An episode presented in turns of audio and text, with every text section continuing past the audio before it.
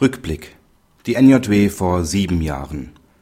Schwierige Widerrufsfristberechnung. Die Frage nach dem Fristbeginn für den Widerruf von Haustürgeschäften beschäftigt die Gerichte immer wieder. So auch das LG Dortmund in der NJW vor sieben Jahren. NJW 2003, Seite 3355.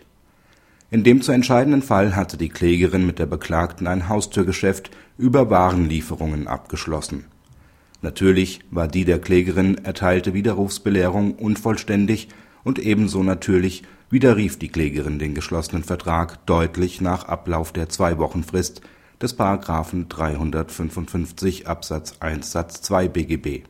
Wie bereits die Vorinstanz hielt das LG Dortmund diesen Widerruf aufgrund der nicht ordnungsgemäßen Widerrufsbelehrung gleichwohl für wirksam das Landgericht verweist weiter darauf, dass § 355 Absatz 3 Satz 2 BGB auf die Fälle des § 355 Absatz 2 Satz 1 BGB nicht anwendbar ist und entgegen der Ansicht des Amtsgerichts die Zwei-Wochen-Frist des § 355 Absatz 1 Satz 2 BGB im Falle einer falschen oder unvollständigen Widerrufsbelehrung auch nicht ab dem Zeitpunkt des Wareneingangs beim Empfänger beginnt im aktuellen Heft ist ein Urteil des BGH veröffentlicht, das sich mit der Frage beschäftigt, ob die Zwei-Wochen-Frist des § 355 Absatz 1 Satz 2 BGB erst mit Annahme des Käuferangebots durch den Verkäufer beginnt (NJW 2010, Seite 3503).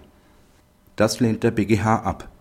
Das durch § 312 BGB eingeräumte Widerrufsrecht soll die Entscheidungsfreiheit des Verbrauchers schützen der von der vom Anbieter initiierten Vertragsanbahnung im häuslichen Bereich überrumpelt wird.